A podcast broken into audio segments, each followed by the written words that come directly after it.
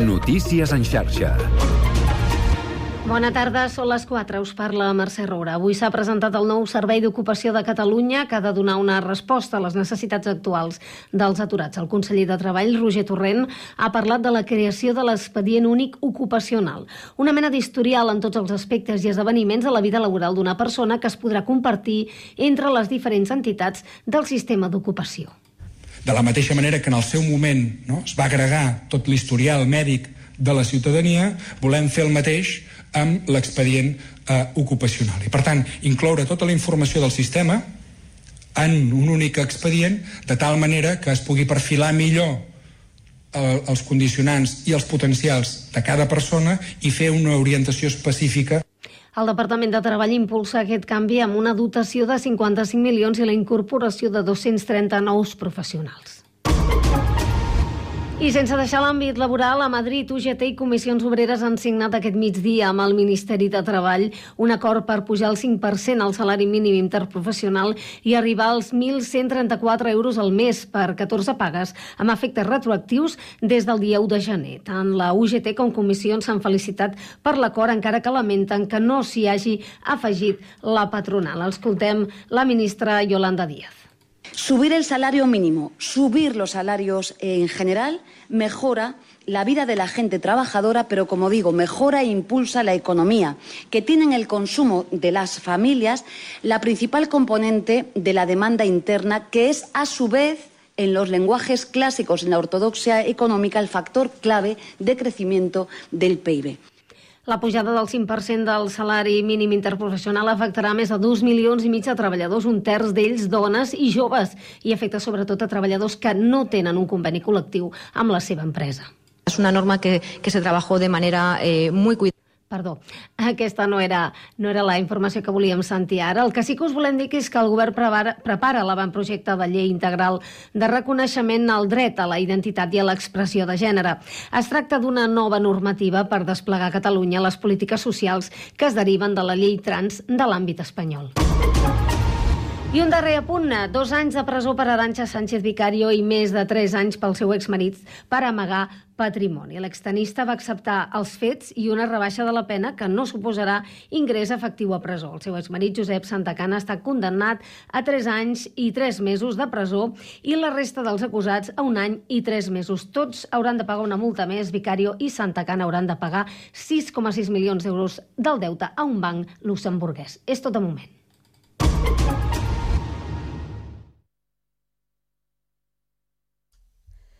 4 i 3 minuts. Comença el Connectats.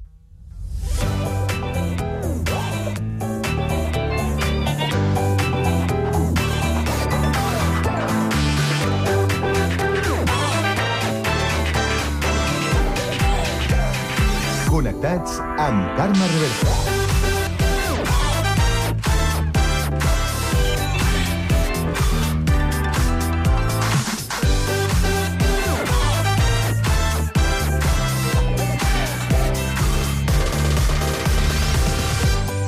Molt bona tarda, salutacions i benvinguts un dia més al magazín de tarda de la xarxa aquest Connectats de, de l'àrea metropolitana de Barcelona, programa que fem i que podeu seguir, com sabeu, a través de Ràdio Sant Cugat, Ràdio Sabadell, la Municipal de Terrassa, el Prat Ràdio, Ràdio Ciutat de Badalona i Ràdio Castellà. Una salutació de tot l'equip conduït a la part tècnica per Pablo Palenzuela, Sami Fernández a la producció i de qui us parla, Carme Reverte. Avui és dimecres 17 de gener i volem saber quin temps ens espera aquesta tarda. Lluís Mi Pérez. Els núvols estan sent els protagonistes aquest dimecres. No estan deixant gaire pluja, però sí un ambient força carregat, rúfol, amenaçador, un temps molt tancat i ensupit i molt poca aigua, la veritat, la que està caient a les comarques de Barcelona, sobretot a la costa i prelitoral, així com a Girona. En aquestes comarques més del nord i de l'est del país, el que està fent és molta suavitat. Malgrat els núvols, la temperatura no és gens baixa a hores d'ara. Al llarg de les immediates hores, doncs, els núvols s'han d'anar trencant una mica de gran part del país, tret de les comarques de Lleida. Allà estarà una mica més ennubulat, anirà plovisquejant encara d'una forma més aviat intermitent i aquesta pluja un palet més important al Pirineu lleidatà. El vent també continuarà bufant de ponent, una mica més tossut a les comarques barcelonines i gironines i, per tant, amb una temperatura molt agradable. Al llarg de les immediates hores encara estarem parlant de molts valors al voltant dels 20 graus de màxima. Demà, moltes clarianes, però al matí despertarem amb boires a les comarques de les planes de Lleida. Us seguirem a la xarxa.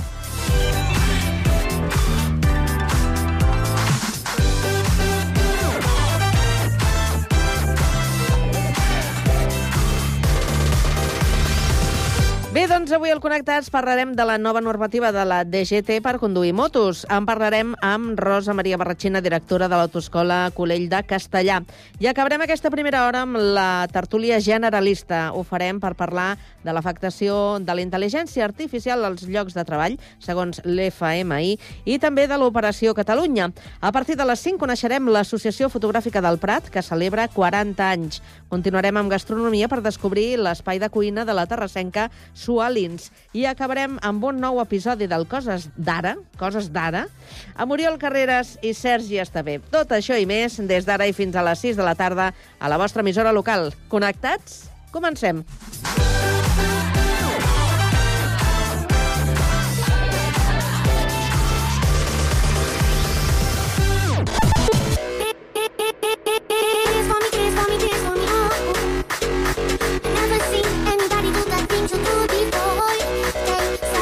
Connectats, una experiència radiofònica a Sabadell, Terrassa, Sant Cugat, El Prat, Castellà i Badalona.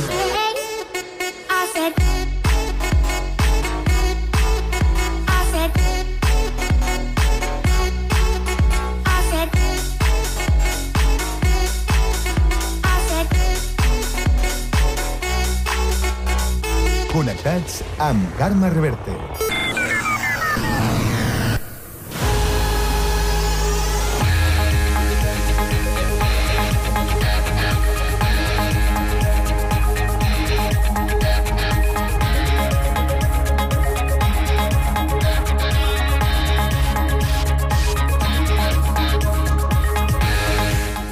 4 i 7 minuts ens actualitzem i ho fem amb la ronda informativa que obrim un dia més per Terrassa. Sergi Estafé, bona tarda. Bona tarda. Els bombers de Terrassa han treballat durant el 2023 en 1.844 serveis. Entre aquestes actuacions, en les que més han participat han estat en 563 salvaments de tot tipus, 468 assistències tècniques i 435 incendis urbans. També han assistit en 150 accidents de trànsit o en problemes de mobilitat. Han actuat en 71 fuites perilloses i han apagat 68 incendis de vegetació en un any especialment sec. La resta de serveis, fins a arribar a les més de 1.800 sortides, han estat per a d'altres pràctiques, activitats no urgents o dispositius preventius. A nivell nacional, els bombers de la Generalitat han fet més de 83.000 serveis, 5.000 més respecte al 2022, un increment del 6,41%. La tipologia de les actuacions, com els bombers de Terrassa, també han estat en salvaments amb 18.787 casos, que van des dels rescats urbans i el medi natural, seguit dels incendis urbans, amb 15.688 serveis per apagar focs en habitatges, indústries o residus. Gràcies, Sergi. I ara seguim amb més repàs de l'actualitat des de Sabadell. Pau Duran, bona tarda. Bona tarda. Entregades a l'Ajuntament de Matadepera 14.400 signatures en contra del tancament del restaurant de la Mola. Ho han fet els gestors de l'establiment, els germans Xavi i Gemma Gimferrer. La mateixa Gemma ho ha explicat a Ràdio Sabadell. Ja hem acabat l'entrega de les signatures. Han entrat un, no sé, unes vuitantena de persones a un centenar. Ha estat molt bé, molt, molt acollidor, molt agradable i molt...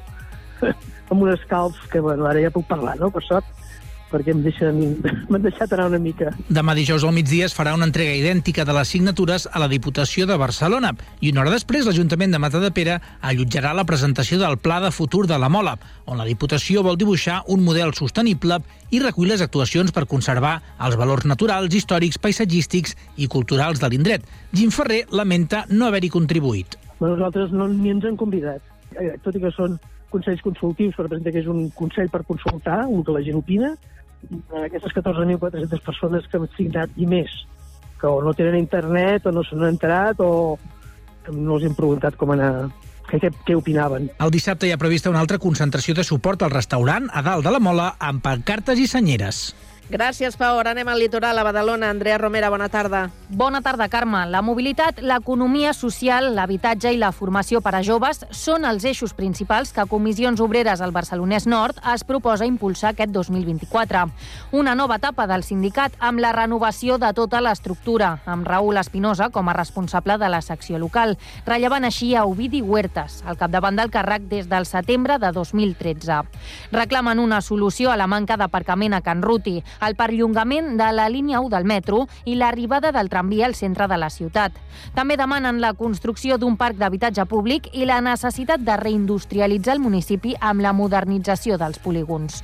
Comissions Obreres també vol incidir en la reactivació del Consell Municipal per la formació professional i treballant en una diagnosi per definir quins són els cicles més demandats al territori. Escoltem el responsable de Comissions Obreres al Barcelonès Nord, Raül Espinosa. Volem incidir en el tipus de formació professional que s'ofereix a la nostra ciutat. Cal tenir present els canvis en el teixit productiu que afecten a les necessitats de la formació dels joves de la ciutat. Aquestes peticions ens agradaria treballar-les conjuntes, aquestes iniciatives, amb les ciutats properes, com som Santa Coloma i Sant Adrià, per tal de que la formació sigui complementària, que doni sortida a les necessitats que tenim aquí al territori del, del Barcelonès Nord. Espinosa compaginarà el nou càrrec al capdavant de comissions obreres del Barcelonès Nord amb el seu lloc de treball a Fomento de Construcciones i Contrates, que s'encarrega de la neteja viària de Badalona. Gràcies, Andrea. Seguim ara al litoral. Des del Prat de Llobregat, Víctor Asensio, bona tarda. Bona tarda. Aquest matí els Mossos d'Esquadra han iniciat un operatiu policial al barri de Sant Cosme amb la participació de les unitats canina i de drons, ordre públic, la Brimo, seguretat ciutadana i el suport aeri d'un helicòpter, així com el suport de la policia local del Prat. L'operació continua oberta i se centra en la setena fase de Sant Cosme, la coneguda com els pisos blancs.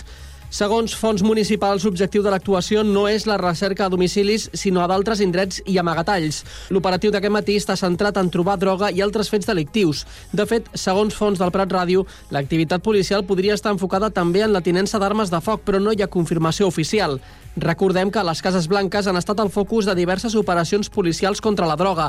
La més recent, el macrooperatiu que l'abril de l'any passat va clausurar una desena de plantacions de marihuana i va comportar el tapiat de domicilis on es cultivava droga amb 60 tones de formigó una actuació que va provocar aldarulls posteriors per part del veïnat de la zona amb la crema de contenidors i el llançament d'objectes a la policia.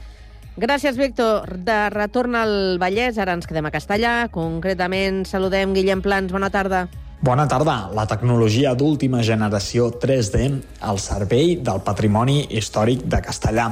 El Centre d'Estudis ha impulsat la reproducció d'unes creus de fundició de 1936 que sostenien la barana de ferro que rodeja l'entrada de l'església de Sant Esteve de Castellà. La proposta ha fructiferat gràcies a la col·laboració de l'entitat amb el Laboratori Castellà, que ha fet una feina meticulosa per reproduir en 3D aquesta aquestes creus a partir de fotografies antigues que s'havien trobat gràcies al fons gràfic del Centre d'Estudis Castellà. De creus n'hi ha de dues mides, que el laboratori ha creat amb un material prou resistent perquè puguin servir de motlle per fondre el metall que haurà de donar forma a les creus definitives. Gràcies, Guillem. Ja acabarem amb la crònica de Sant Cugat que avui ens porta Joan Garcia. Bona tarda. Molt bona tarda, Carme. La periodista santcuatenca Cristina Mur és la nova directora de Cuat Mèdia. El Consell d'Administració de l'entitat pública empresarial local Cuat.cat, l'EPEL, ha elegit Mur per unanimitat per la seva proposta innovadora, l'enfocament periodístic de l'actualitat i l'esperit crític i per tenir un concepte clar sobre el posicionament de Quad Media en els actuals temps de canvi del sector comunicatiu.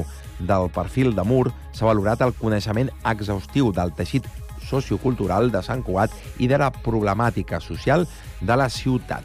Cristina Mur va néixer el 1989 a Barcelona, viu a Sant Cugat i és llicenciada en periodisme per la Universitat Ramon Llull.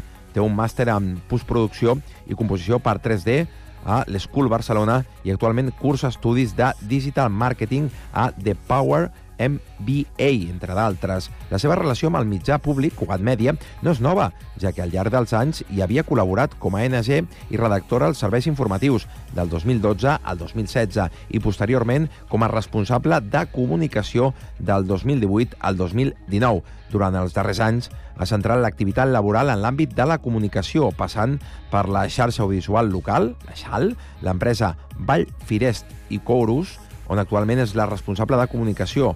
Mur va iniciar-se en el periodisme al Departament Internacional de l'Agència Catalana de Notícies, l'ACN, i a Catalunya Ràdio, on també va desenvolupar guió i entrevistes.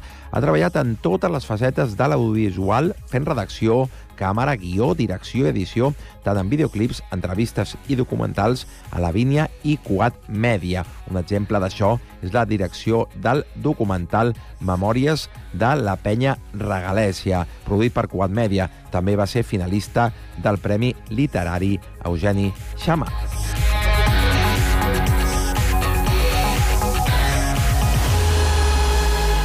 A la tarda, no et desconnectis. A la teva ràdio local, connectats. Can't touch this. You can't touch this.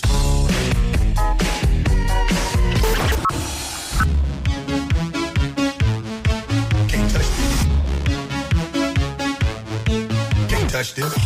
Connectats amb Carme Rebell.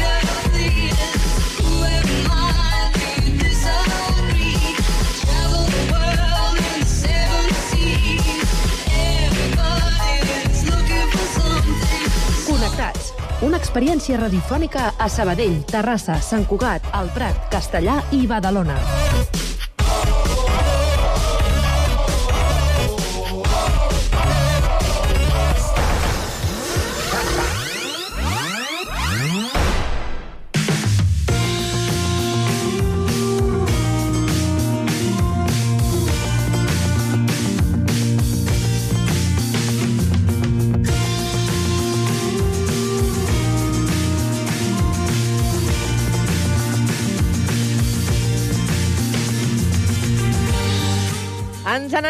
Castellà del Vallès perquè des d'allà ens informaran de les noves mesures que prepara la Direcció General de Trànsit, la DGT.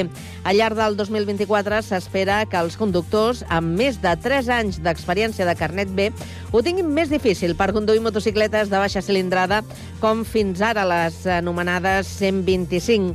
Fins ara s'havia pogut fer directament en assolir els anys d'experiència amb el carnet de cotxe. Parlarem d'aquest i algun altre possible canvi amb Montse Espanya, professora de formació viària, i Rosa Maria Barratxina, també professora i directora de l'Autoescola Colell de Castellà. Molt bona tarda, Jaume Clapés. Hola, bona tarda, Carme. Sí, ja estic a l'Autoescola Colell amb la Montse i la Rosa Maria eh, que són respectivament una professora i la directora i també professora d'aquesta autoescola. Eh, per començar, volia fer com volia que m'expliquéssiu una mica aquesta notícia que ha sortit eh, referent a, a la conducció de motos de baixa cilindrada. Exactament què, eh, què diu aquesta notícia? que a partir dels 3 anys no serà obligat... A, a partir del que treguis el carnet de conduir, no podràs, a partir del tercer any, conduir una, una motocicleta de 125 centímetres cúbics. Llavors, eh, hauràs de tenir un curs i aquest curs no sabem encara com es dirà, ni quines hores tindrà, ni quin res. El que sí que hauràs de, tre de, de treure't el carnet de, de moto, suposo, que a partir dels 18 pots conduir el, el, el A2, que són eh, 47 cavalls o 35 quilowatts. Estàs limitat amb l'A2. Yeah. I seguirà havent l'opció amb el carnet de cotxe eh, conduir aquestes motos baixa cilindrada, però afegint un curs extra. Sí. Que encara no sabeu quin tipus de caràcter... No sabeu res. No, no, no sap res. Uh, això, bueno, a nivell, a nivell d'autoescola, com Sí. ho encarareu? S'haurà de reforçar gent? Serà la mateixa gent? Seran cursos a part? Re, se re, es readaptarà el que ja es fa per moto? Mm, Serem els mateixos. El que passa és que s'afegirà aquest curs per la gent que vulgui conduir la motocicleta amb el, amb el permís B. El que sí que l'altre dia, on es fem les pràctiques de moto a la Mancomunitat, parlaven de la, avantatges i inconvenients. I els inconvenients jo no hi havia pensat, però ells, els professors, comentaven que l'inconvenient que li veien és que ara, a partir de, de que tens el carret de cotxe i tens 3 anys d'experiència, diu que pots conduir una 125 la gent es, o- obtenia el, el 125 i es conduïa una moto al cap de 3 anys i si no li era suficient, de seguida aspirava una 2. Ara, si la persona ha de, de, de fer un curs per poder conduir una 125, se n'anirà al cap del temps, o millor no anirà mai, a obtenir la permís a 2. No sabrà què significa conduir una 125. Llavors, la, la gent que, viu, que treballa a Barcelona, per exemple, i al cap de 3 anys pot conduir una 125, si la obtenia, no? la, se la comprava i anava a Barcelona i no, era la, no li era suficient, de seguida anava al permís a dos. Ara has d'anar expressament si vols conduir un- una moto més grossa. Era l'inconvenient que li veien. És a dir, que ara tenies com clients més assegurats perquè la gent ja conduïa moto sense haver de tenir el permís. Però ara mm, l'inconvenient era aquest. I creieu que hi haurà, això ja és hipòtesi, creieu que hi haurà afluència real o que si ve algú ja directament s'anirà al permís de dos i conduir la, les petites baixarà la, la demanda? La, la petita seguirà havent-hi perquè segueixen havent-hi nois de 16 anys. Llavors jo crec que no baixarà. Què en penses? amb, la, amb el permís B, doncs això, si, vol, si necessiten la moto crec que aniran directament a la 2 i si no molts ja no optaran per, anar, per treure's la moto. Veig més perjudicial en el tema de venda de motos de 125. A, a la venda jo sí que li veig més, més inconvenient, perquè la gent no es comprarà una 125, sinó que directament anirà a la 2 i es comprarà una moto més potent. Però el permís, mm, no sé.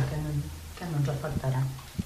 I mm, a nivell de, de seguretat, o sigui, això, aquesta mesura s'ha fet en principi per assegurar una, que hi hagi més seguretat a les vies, perquè conduir un cotxe no és el mateix que una moto, etc etc etc. Creieu que la mesura serà eficaç? Jo trobo que sí, perquè ara mateix qualsevol persona pot conduir una 125 al cap de 3 anys i no té cap mena d'experiència. A vegades venen gent que es vol comprar una 125 i van a fer una, unes pràctiques de reciclatge amb nosaltres i, i els hi deixem la motocicleta i condueixen un parell o tres d'hores abans de posar-se en circulació però no tothom ho fa. Llavors, la, la minoria aquesta és que s'arrisquen a, a sortir a la circulació sense tenir experiència. I ara sí que, si obtenen directament en la 2, sí que tindran l'experiència de les pistes i la circulació i la teòrica específica. La seguretat hi serà, clar, perquè ja tindran un, un carnet concret per, per moto. Sí, sí, això sí. Jo, per exemple, quan feia les teòriques amb els alumnes sempre els hi deia que això ho, ho traurien perquè, clar, amb la quantitat d'accidents que hi ha i, clar, i la gent, doncs, el que diu la Montse, sí que una minoria anava a fer alguna pràctica de reciclatge, però tothom agafava la moto i apa, a circular i, clar, evidentment no és el mateix. Que la normativa anirà canviant, perquè el ciclomotor tampoc és lògic que surtin a circular sense haver fet circulació. I que puguis conduir una motocicleta molt potent de tres rodes amb el permís B. També és una barbaritat, però... La, la normativa haurà de canviar i... Bueno, s'ho anirà adaptant, no?, amb, amb les noves tecnologies i tot, i el, el tema de la seguretat, perquè hi hagi més seguretat també. Vale. Però això tenim entès que és per la gent que es tregui de nou el carnet, eh? o sigui, fins ara, ai, fins ara els que ja tenen carnet de cotxe podran seguir portant motos sense haver de fer res. O sigui, que això serà des del dia que s'a- que s'aprovi aquesta llei, a partir d'aquell moment, la gent que s'examini i es tregui el carnet en aquell punt, llavors aquesta gent sí que eh, entrarà. Uh -huh. Un curs per poder conduir la 125.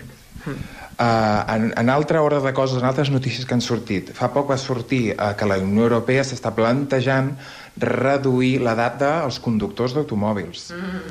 Uh, conductors de partir de 17 anys amb, un, amb una persona que hagi tingui el carnet amb 5 anys d'experiència, crec que eren, no? Que, crec que era així. Ex la- una, mm, experts. Posa, en la notícia que tenim nosaltres posa eh, conductors experts. Això és el que ja s'està fent en altres països. Vosaltres, com veieu aquesta mesura? Jo no la veig gaire bé, sincerament. La meva opinió és que no. Una altra persona, perquè a vegades venen alumnes a fer pràctiques com a primera pràctica i diu el meu pare ja m'ha ensenyat una miqueta. I s'han anat al polígon i fan pràctiques que li ensenya quatre nocions.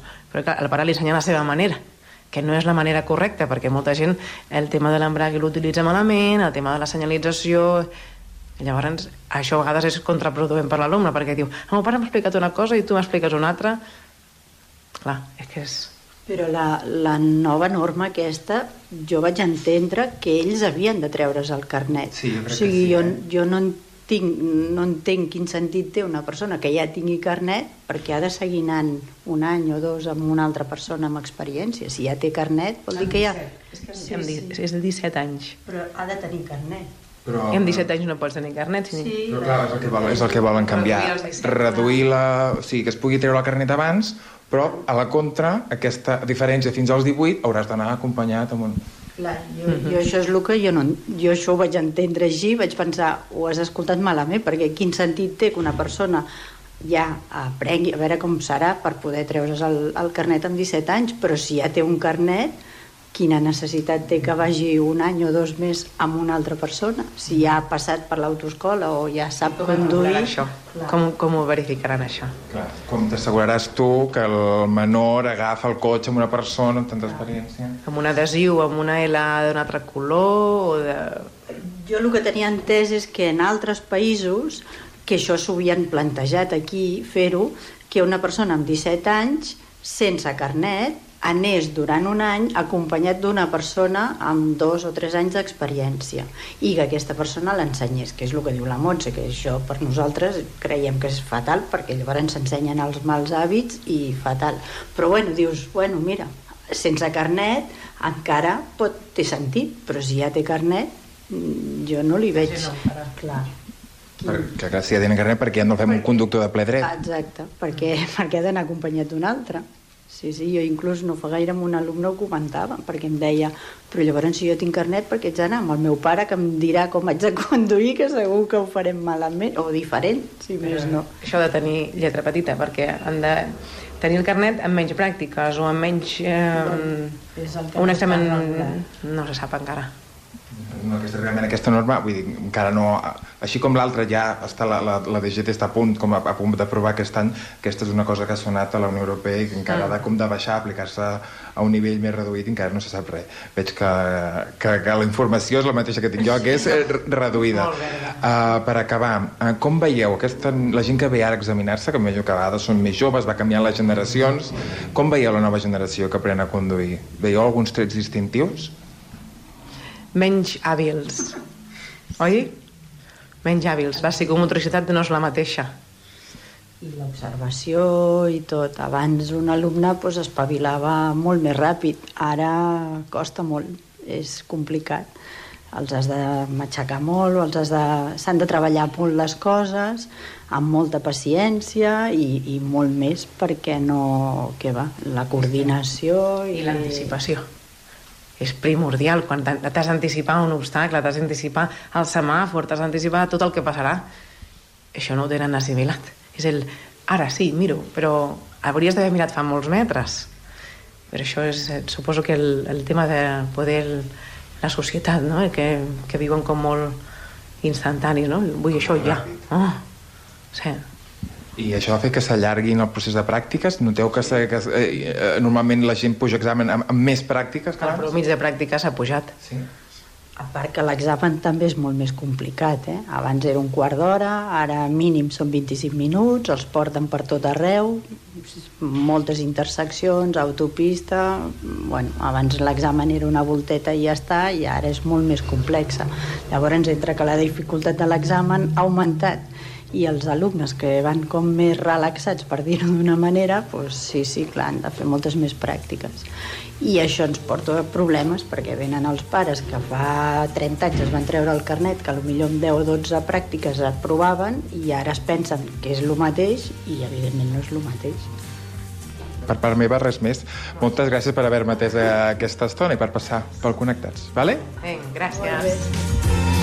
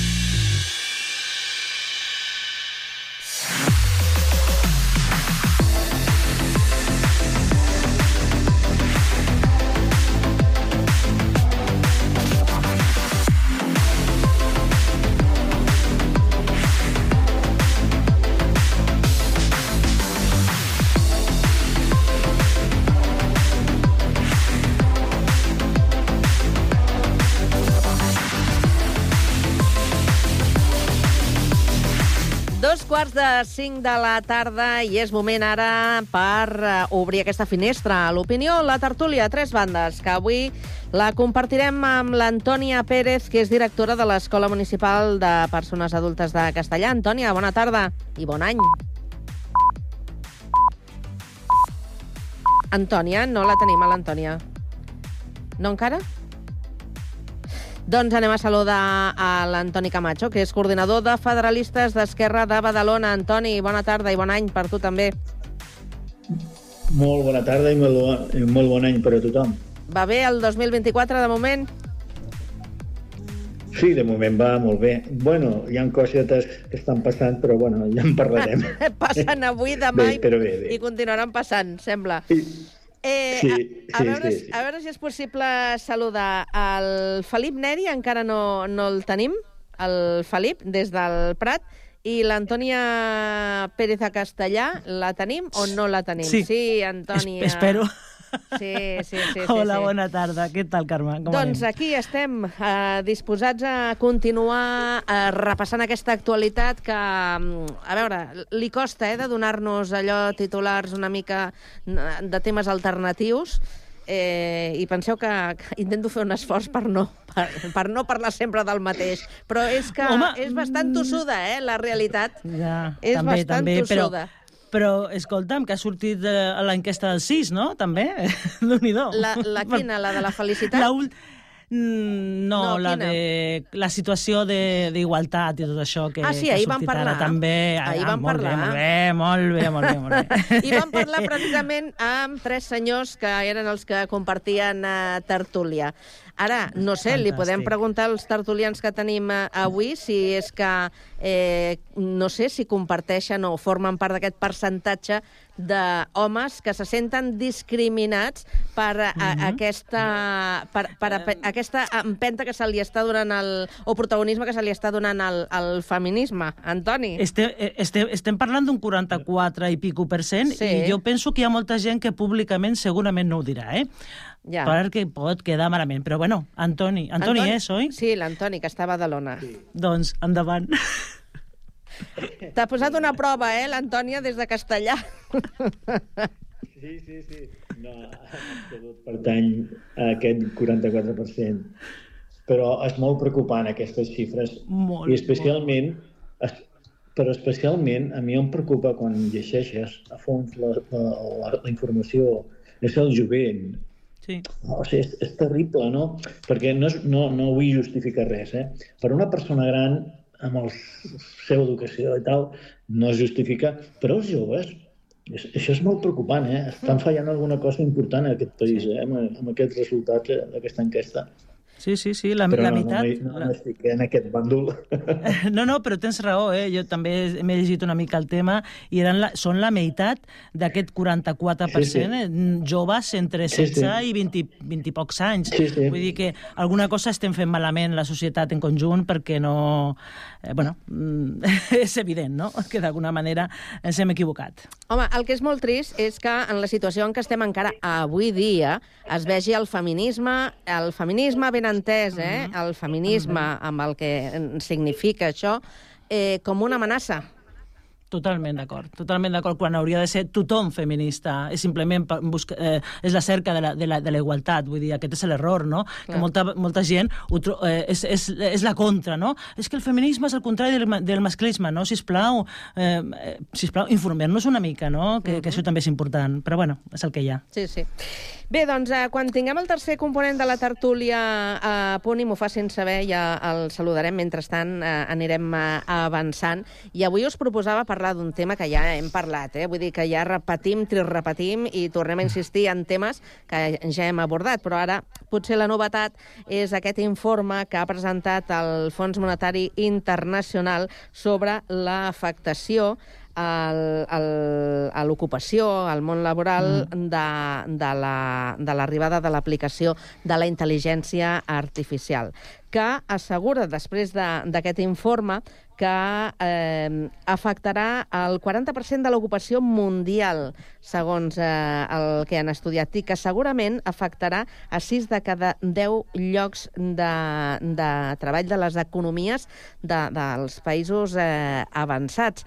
Però també aprofita també aprofita per donar un toc eh, d'atenció als responsables eh, polítics per dir-los, senyors, eh, vigilem a veure com gestionem i com fem eh, tot això per tal d'evitar que aquesta nova eina, la intel·ligència artificial, no alimenti més tensions eh, socials.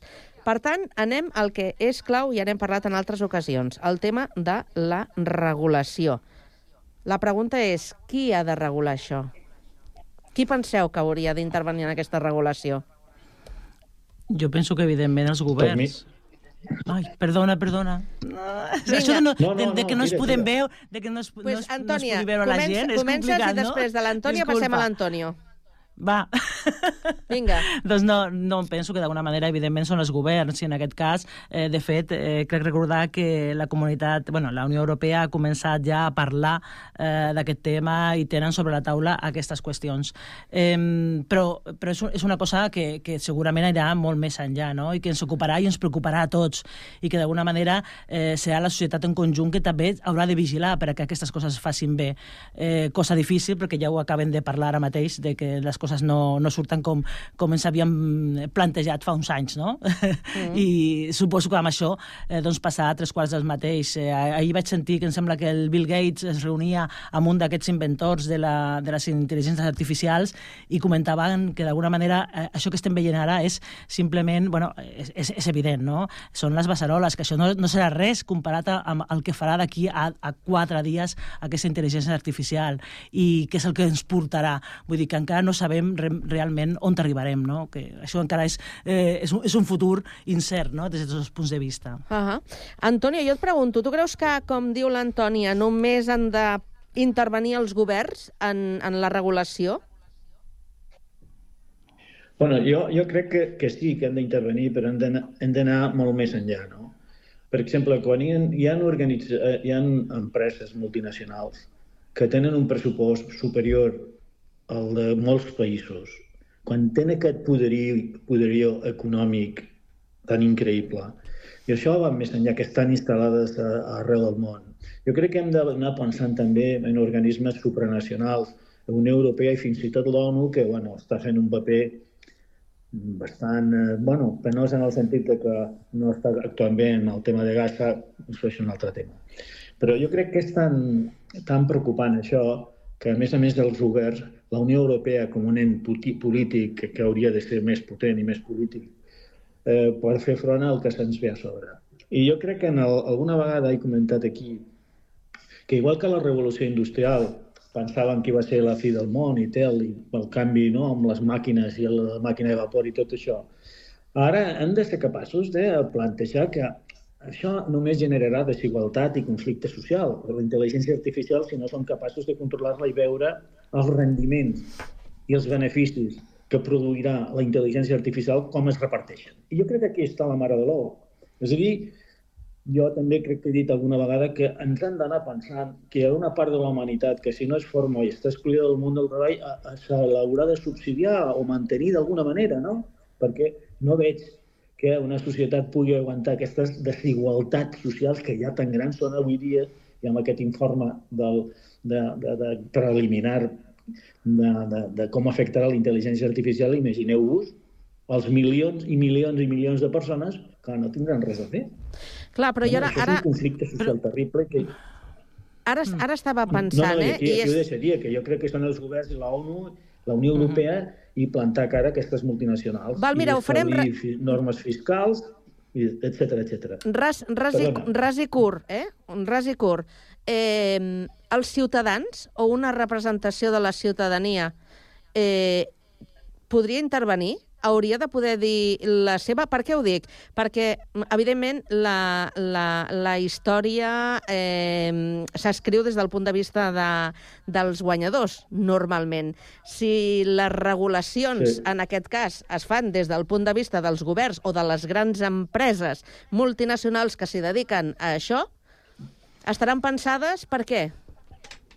Però, però d'alguna manera, eh, a veure, hi ha una cosa que, que hauria de ser, o tothom hauria de ser conscient, o, o almenys els que governen, són gent que hem posat nosaltres, els ciutadans, són ciutadans com nosaltres, que han de tenir les mateixes prioritats. Aquest és el problema també, no?, genèric de, del que, de que és la política, no? Eh, haurien de tenir les mateixes prioritats que nosaltres. Per tant, haurien de vigilar per aquest, perquè nosaltres, com a persones, com a eh, ciutadans d'un país o, de, o, de, o, de, o del món, eh, perquè ja eh, hem de parlar del món, eh, estiguessin en condicions. I, i, tot, I tot el que es fa es fos eh, encaminat a, a solucionar aquests problemes i, per, i vigilar perquè nosaltres poguéssim viure eh, doncs, en les millors condicions possibles des de- des d'aquí fins a Pequín, no? com es, di, es diu habitualment. Però tu has fet Però servir. Antònia, Antònia tu has fet Però, servir Carme, incondicional, eh? Feies, Hauria de... feies una, feies una Sí, clar, hauria, hauria. El problema és aquest, no? Que, que d'alguna manera eh, els governs sembla que quan arriben al poder o les, els polítics, jo, ja de veritat eh, començo a estar una mica desil·lusionada, no? Perquè mm. poses molt eh, bueno, la, teva, la teva il·lusió, no? d'alguna manera, en, en, les, en els canvis, en, la, en, en alguns polítics, en algunes actuacions, i després resulta que és més del mateix, no? I que sembla que tothom estigui, estigui tallat pel mateix patró. Evidentment, eh, l'Antoni parlava d'unes eh, empreses o multinacionals supra eh, nacionals que estan per sobre mm. i que possiblement són els que, els que mouen tot les, els fils i que nosaltres estem aquí doncs, com titelles que, eh, mira, doncs, eh, jugant a no sabem què ben bé. Antoni. Però, Carme, feies una reflexió molt interessant, no? Allò, a més a més dels governs supranacionals i nacionals i, i a la Unió Europea, un grup de ciutadans i, o, o alguns partits polítics, entenia jo. Però, siguem clars, hi ha partits de dretes i hi ha partits d'esquerres. I els partits de dretes estan dient que el mercat ho soluciona tot i que a les empreses no se li poden posar límits per descomptat tampoc impostos, perquè si no es començaran d'aquí i aniran a un altre lloc. És un tema molt complex. O sigui, el que no pot ser que és que Google, Apple, eh, Microsoft, eh, aquestes bèsties mundials, doncs eh, puguin decidir per la via dels fets i coaccionar a governs i a països amenaçant en externalitzar la producció de diners. Que Però si el, si el Jet Bezos, és que és tan- aquest... Això és tan greu, i això és tan greu, per això dic que això està molt bé, però com una manera molt voluntarista. Però què diran els partits de dretes, ja, ja ho sabem. I, i no, no ho dic ara com a crítica, no? És un sistema polític que està generant una desigualtat pues, que és la que és, insuportable. Els rics són més rics cada dia i els pobres més pobres. I això pot sonar demagogia, però no ho és. I per això dic i insisteixo molt amb el tema aquest de que haurien de ser doncs, la Unió Europea, la ONU, doncs, que es ob- obliguessin a que els efectes que tindrà la intel·ligència artificial tingui una repercussió en el sentit benefici, de que beneficiï Mm. doncs, a la gent que es quedarà mà sobre mà. És que, si no, de quin, quin, quina societat estem construint? Home, penseu una cosa, el Quina títol... societat estem Sí, construint? sí, sí, sí, sí. I, i ara vaig Bueno, a... però- Antònia, disculpa un moment, que Sí, no, no. introdueixo el, el títol de l'informe que presenta l'FMI. Diu, mm. la intel·ligència artificial transformarà l'economia global. Assegurem-nos que sí. beneficia la humanitat. Aquesta segona part és la Clar. més important de totes i és la que crea Eh, més exacte. escepticisme. No? No ho sé. Sí. Antònia. No, no, no, no, no. És que quan parlaven ara mateix del, del tema aquest de la, eh, d'aquesta globalitat i d'aquesta situació i d'aquestes gran, grans eh, supra, supraempreses multinacionals no? que, que abarquen tot, tot arreu, eh, vull dir, em sembla que l'altre dia sentia que el Jet Bezos, que és el, el president d'Amazon, no sé si és cada Amazon. dia d'Amazon, sí. Bueno, cada dia o cada hora són 13 milions de dòlars que entra les... Vull dir que... Sí, sí. Clar, eh, això, això només ens fa, ens fa, ens fa re- recapitar, ai, recapitular una mica, no? Vull dir, de què estem parlant? Estem parlant de que una persona només eh, té eh, més ingressos que eh, 40 o 50 països del món, eh, junts. Vull dir que és que, és que no, no, no, hi, ha, hi ha vegades que, que bueno, estem en un món que no té sentit, no?, d'alguna manera, i tot això ho veurem perquè aquests són els que maneguen. De fet, es- estan ara reunits, no?, al, al Davos, no?, una reunió de Davos... Sí, sí, sí, no, estan- dir estan que reunits, Estan, sí. estan reunits parlant de, de què? De, de, de mi segur que no, i de vosaltres tampoc, segur. Vull dir que aquest és el problema, no?, principal, penso, eh?, però potser estic equivocada. Però sí, no. però, Antònia, sí que estan parlant de nosaltres. perquè Sí, sí, sí, de de, les com, de, de com ens treuen més diners decisions que prenguin, doncs ens afectarà, eh? Oh, i tant, i tant, Vull dir, això... Tot i que no és un organisme, diguem-ne, governamental, Sí. que són de les grans empreses i de més, però són orientacions que marcaran polítiques. Clar, és clar, aquí però, on- però aquest és el problema. no? No, no D'alguna però manera... és aquí on els governs, per no ser el mateix, que, que tinguin aquesta voluntat de que a fa, a la, la intel·ligència artificial beneficia a la humanitat, com deia Sí. ara la Carme, Sí. sinó, que no beneficiï només els que A uns les han quants. generat, els que l'han creat. El, Aquest és el el negoci dilema. dels que ho han generat. Clar, aquest Sí. és el tema. Exacte, exacte. Ah, a- Aquest, és, és aquí, estem aquí, vull dir que eh, és la qüestió. I finalment eh, hi haurà una quantitat de persones... A veure, sí, que- sí que és veritat, vaig estar llegint també que hi havia uns, uns, eh, unes feines, uns treballs que seran els que continuaran, no?, d'alguna manera, eh, amb, amb pujades, no?, que seran advocats perquè hi haurà un fotiment de demandes i no sé quines històries. Hi haurà també eh, tots els tècnics informàtics, lògicament, i algú més. Però vull dir, eh, escolteu, eh, i, i les persones, i, i la cura de les persones, ens hem oblidat totalment de nosaltres, no? Vull dir que només posaran aquests, aquesta, aquesta gent i, to, i tot el que signifiquem nosaltres com a, com a éssers humans. Vull dir que, és que, bueno, per mi, eh, de veritat, és que entro ja en una roda una mica complicada. Serà sap greu, eh? interessant, Disculpeu-me. Serà molt Disculpeu-me. interessant veure tot No sé aquest si- encaix. Digues, Antoni. No sé si ho heu llegit, però els mega rics, els megamilionaris, sí. el que estan parlant, venia una, una informació en premsa d'aquesta sèrie, que el seu pensament avui dia és veure la possibilitat d'instal·lar a Marte doncs, una bueno, vida, no? Per salvar-se ells, òbviament. El deliri arriba d'aquesta gent, imagineu-vos, que puguis pensar i, a més a més, tinguis els mitjans econòmics, encara no els tècnics, encara no els sí. tècnics, per pensar això. És que és molt fort, perquè estan veient que el, el ritme d'aquest planeta, si continuem cremant petroli Ah. i continuem contaminant els mars, els rius, les muntanyes, estan deforestant, se'n van, se'n va la merda, perdó de la paraula. I tant, i tant, i tant. fi- fi- Fixeu-vos fixeu-vos fins a quin punt eh, aquesta gent, és, és, en quin món viuen, no? Estan pensant en Marte i en una colònia allà i a veure com... Bueno, Ells, està- clar, Estan pensant, Estan pensant en, en un altre- en un Antoni. Estan pensant en un altre món, clar, vull dir, no en el nostre, Totalment. evidentment. Eh, vull dir, de fet, eh, em sembla que ara eh, va, va sortir malament, no?, l'últim eh, viatge aquest... Eh, el, el. Que, han- que han llançat. Sí, sí, que han llançat, no? Em sembla que havia estat l'Elon Musk, que havia fallat també, havia tingut una fallida. Però vull dir que, finalment, tot això arribarà. I, i bueno, se, sembla... Eh, les, pe- moltes pel·lícules que hem vist, no?, i que ens amenaçaven, aquestes distopies, no?, que, que veien en algunes de les pel·lícules de fa uns anys, doncs eh, estan, és, clar, és clar, no?, i és evident de que no anaven tan desencaminades, potser. Bé, si us sembla, canviarem de tema i anem a l'apassionant món de les clavegueres de l'Estat, perquè sembla que hi ha per eh, donar i vendre. A veure, res mm, que no ens eh, sonés ja, el que passa és que noves investigacions periodístiques, noves investigacions periodístiques posen al descobert doncs, eh, una sèrie de- d'informacions que van sortint com un serial eh, al llarg de- d'aquests dies en diferents, eh, en diferents mitjans eh, doncs de, de, de la utilització dels fons públics per crear informes falsos, per implicar eh, polítics eh, catalans, societ... membres de la societat eh, catalana, empresarial i econòmica, fins i tot eh, un, eh, un, un fiscal.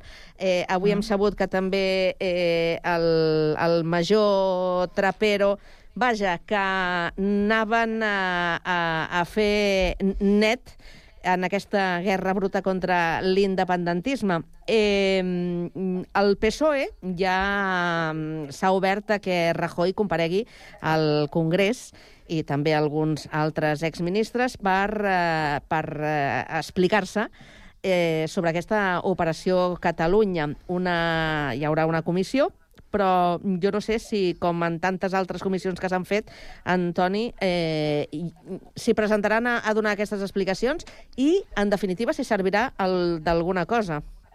Ni que sigui per, a, per aclarir Home. molt, moltes qüestions i moltes històries, com avui deia el, el president Mas. Ja, home, eh, alguna cosa per alguna cosa servirà. Ara és escandalós, no? I aquí hem de, hem de també ficar, i jo ho sento per tu, Carme, i no ho dic per tu, però aquí els, alguns mitjans de comunicació Mm. és vergonyós com estan tractant un tema tan greu que s'utilitzin els fons de l'Estat i l'aparell de l'Estat per perseguir idees. Jo, que no sóc independentista, ja ho sabeu, però que respecto que cadascú pugui ser independentista del Hare Krishna o federalista com sóc jo. Això no té res a veure. Uh -huh. Però que un estat, que un govern faci això, això hauria d'estar aquest partit de debò en qüestionament per, per, per fer això, un ministre que informava el president del govern. És que és escandalós això a Europa. eh? Serà un escàndol nacional. I aquí hi ha una part de la premsa que només parla de que Espanya se rompe, que esto es una vergüenza, que la Constitució... Eh, Vull dir, és, és, és que no hi ha paraules. És tan fort que hauria d'anar a la presó, haurà d'anar a la presó. Per què servirà la comissió d'investigació? Ja ho veurem, ens hem de donar temps. És escandalós el que està sortint. Eh? El País i el diario.es, la veritat és que estan fent un- una feina fenomenal. I, i, és que et fa vergonya que eh, eh, el, el Partit Popular, en aquest cas, perquè és el Partit Popular, doncs tingui aquesta actitud no? No? de no respondre i, i no pues, entonar el meu culpa, el que sigui, no, no, van a la seva, i ara si amb això de la llei d'amnistia ni t'explico, no? però és una autèntica vergonya el que han fet. Mm -hmm. Antònia, es depuraran responsabilitats o, o, o no, aquí no haurà passat res i correremos un tupido velo? Però si aquest país sembla també de pandereta i castanyueles, si no passa mai res. Eh, vull dir, pots fer el que vulguis i sembla ser que no passa mai res, no? No sé, eh? Mm, ja et dic, eh, és que estic bastant decepcionada, eh? Últimament, no sé si són els anys també que... Escolta, Perdona, perdona que t'interrompeixi, Antònia, no et decepcionis perquè l'alternativa és la dictadura, que és molt pitjor. No, no, no, no, no, ja, aguanta. no, per descomptat, per descomptat. No, però que però m'ente- m'enteneu, no? Vull dir que finalment Que sí, que sí. dius, eh, poses això, no? tot el teu esforç i no sé què, i no sé quantos, les teves il·lusions, les teves eh, esperances, no? En que això canvi, que siguin coses diferents, i semblen lo, el, el de sempre, no? Mismos perros con diferentes collares. Buah, No, bueno, què és però el que passa? Una cosa, Maria, Antònia, Antònia, pensem una cosa. Que el Rodrigo Rato hagi estat a la presó, Sí, no, no, ja és un fet, ja és un fet, és important. És veritat, presó, també, també, també, també. cosetes. I tant, Però no, no, és que això això, està en clar. concret, això, en concret, de que l'aparell de l'Estat, Sí, els sí, impostos sí. que tu i jo paguem, Clar. per una policia que ha d'actuar Sí. per, per tenir delinqüents... I, Bueno, però és que el Villarejo ja, aquest senyor... Però, a, Antoni... I s'han va- d'exigir aquestes responsabilitats i fins i Tot- tot la, el qüestionament de partit No. polític com el Partit Popular. No, no, però estem totalment d'acord, però, però saps perfectament que Ja, en ja. moltes ocasions, vull dir, tot, tothom passa com de puntetes per sobre de les coses, no? I això, que és un, un fet gravíssim, que estic totalment d'acord amb tu, en aquest sentit, eh, vull dir, és com Ja, si, ja. bueno, doncs, a veure, ja veurem qui va a aquesta comissió, saps? I serà, hi haurà un, un, un cap de turc, no?, que serà pues, possiblement el Fernández Díaz, aquest, no?, el, el ministre, perquè Home, ja el tenen, el tenen enfilat, Bastant, no? bastant brutes, em sembla que té les mans, eh? Clar, clar, està, està... Bueno, però que, que finalment serà ell, suposo, que el que es carregaran tot el d'això, perquè no tocaran, vaja, dubto que, toque, toque, toquin al, al eh, M. Rajoy. Ja, que no se sap qui és. Alguns Encara- papers. encara O, no o qui M.R, que ja dius, home, sisplau. Però Eh, eh, bueno, l'Antoni l'Antoni eh, eh, posava el, el focus en la utilització dels fons públics, que és gravíssim. Això és gravíssim. Eh, sobretot per combatre a rivals polítics, rivals polítics. Però Sí, sí. ah, hi ha una cosa encara més greu quan heu parlat de la presó, i a mi em sembla que una persona com Sandro Rossell, que hagi hagut de pagar dos anys de la seva vida en presó preventiva, sent víctima també d'aquesta operació, això ja és... mm, És una vergonya. Sí, és una vergonya. És una vergonya. No, és que no hi ha paraules. Totalment.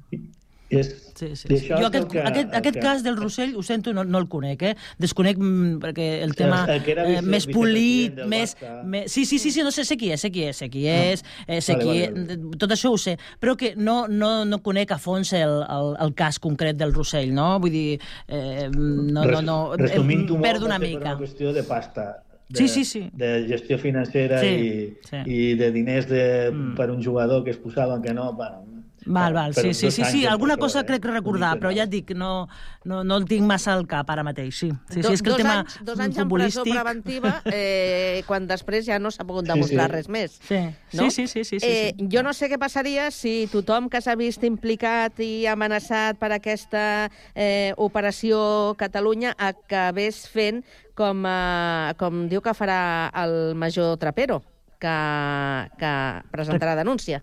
Clar, reclamarà. És que jo trobo que és, és, de, és de calaix, no? Vull dir que és el que ha de, el que ha de fer tothom. Vull dir, si has estat eh, en una situació eh, de menyspreu, de... Bueno, és que a més a més han estat a, a, als peus dels cavalls, no? Vull dir, doncs, eh, que menys que d'alguna manera reclamar que es torni una mica eh, la teva identitat com a persona que no tenia res d'implicació en aquests fets, no? Però, però bueno, no sé. Però és que Això és, és tan inversemblant, és tan inversemblant, que el juez García Castellón Mhm. té la barra de quan allò de l'aeroport, que una persona, desgraciadament un francès, va morir d'un atac... Ah, sí, del tsunami. Sí, és veritat, ja ho recordo, també això. La del sí, tsunami. I, i això ho considera terrorisme. Sí, sí, sí, sí. sí. I aquest mateix, mateix García Castellón, en tot això, és que no va acceptar totes les demandes que van fer. Mm. Vull dir, que hi ha personatges de la judicatura que estan absolutament contaminats. I jo mai faré tàbula rasa de que tota la judicatura és així, perquè no és veritat. Ara, que hi ha uns quants elements que aquest García Castellón és una vergonya que encara sigui jutge. És una vergonya. I això és el que les coses que haurien d'estar protegits pel Partit Popular i per tota Vox i tota aquesta colla dretana de la judicatura, però aquestes són els exemples que fan tant de mal, no? Un sistema jurídic que, bueno, doncs això, que el Rodrigo Rato ha estat a la presó, ha anat a la presó, el gent del rei ha anat a la presó, vull dir, que, que s'han fet coses. Però això Mhm. què està passant? Això és una vergonya. I jo confio, l'única confiança que tinc és que al final no quedi més remei que alguna, alguna instància judicial haurà d'acceptar que això s'ha de, de judicialitzar i que hagin testimonis, que hagin proves i que el que hagi fet això que ho pagui. Doncs seguirem, Costarà, però, bueno. seguirem el tema, seguirem el tema perquè ara ja no ens Sí. queda, no ens queda més temps. Antoni i Antònia, moltíssimes gràcies. Que acabeu de A passar molt bona tarda. Igualment. Vinga.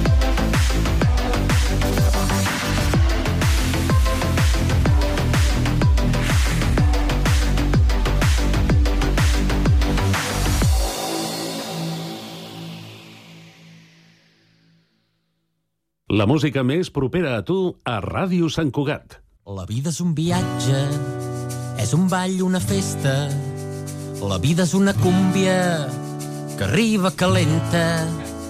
La vida és primavera, que la sang altera. La vida és un estiu, no la cançó d'estrella. La vida som tu i jo quan omplim la nevera. Fer l'aperitiu a la terrasseta. La vida bonica, vida viatgera. Mediterrània, la nostra terra. Incansable finestra on tu i jo ballem el món. Oh, yo,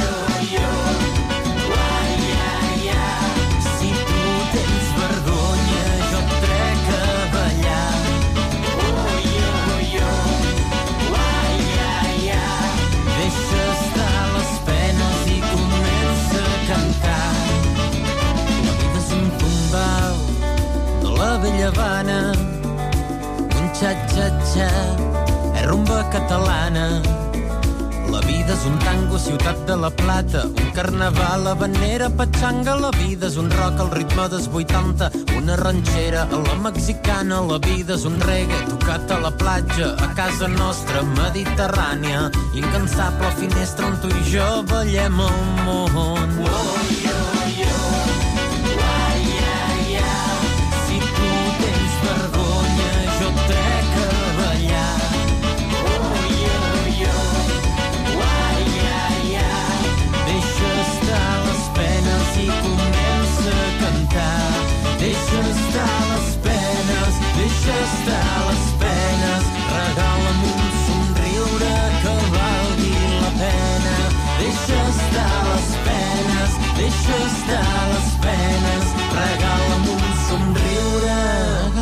un matí.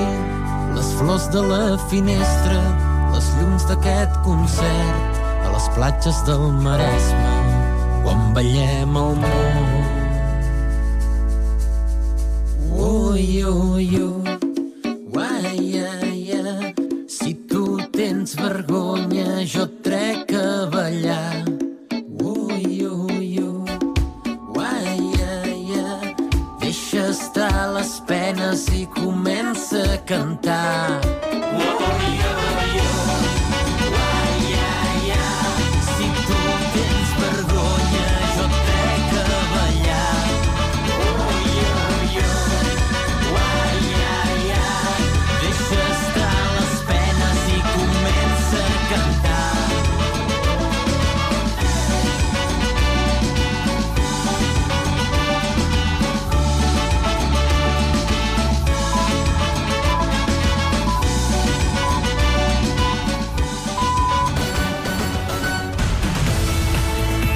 Ràdio Sant Cugat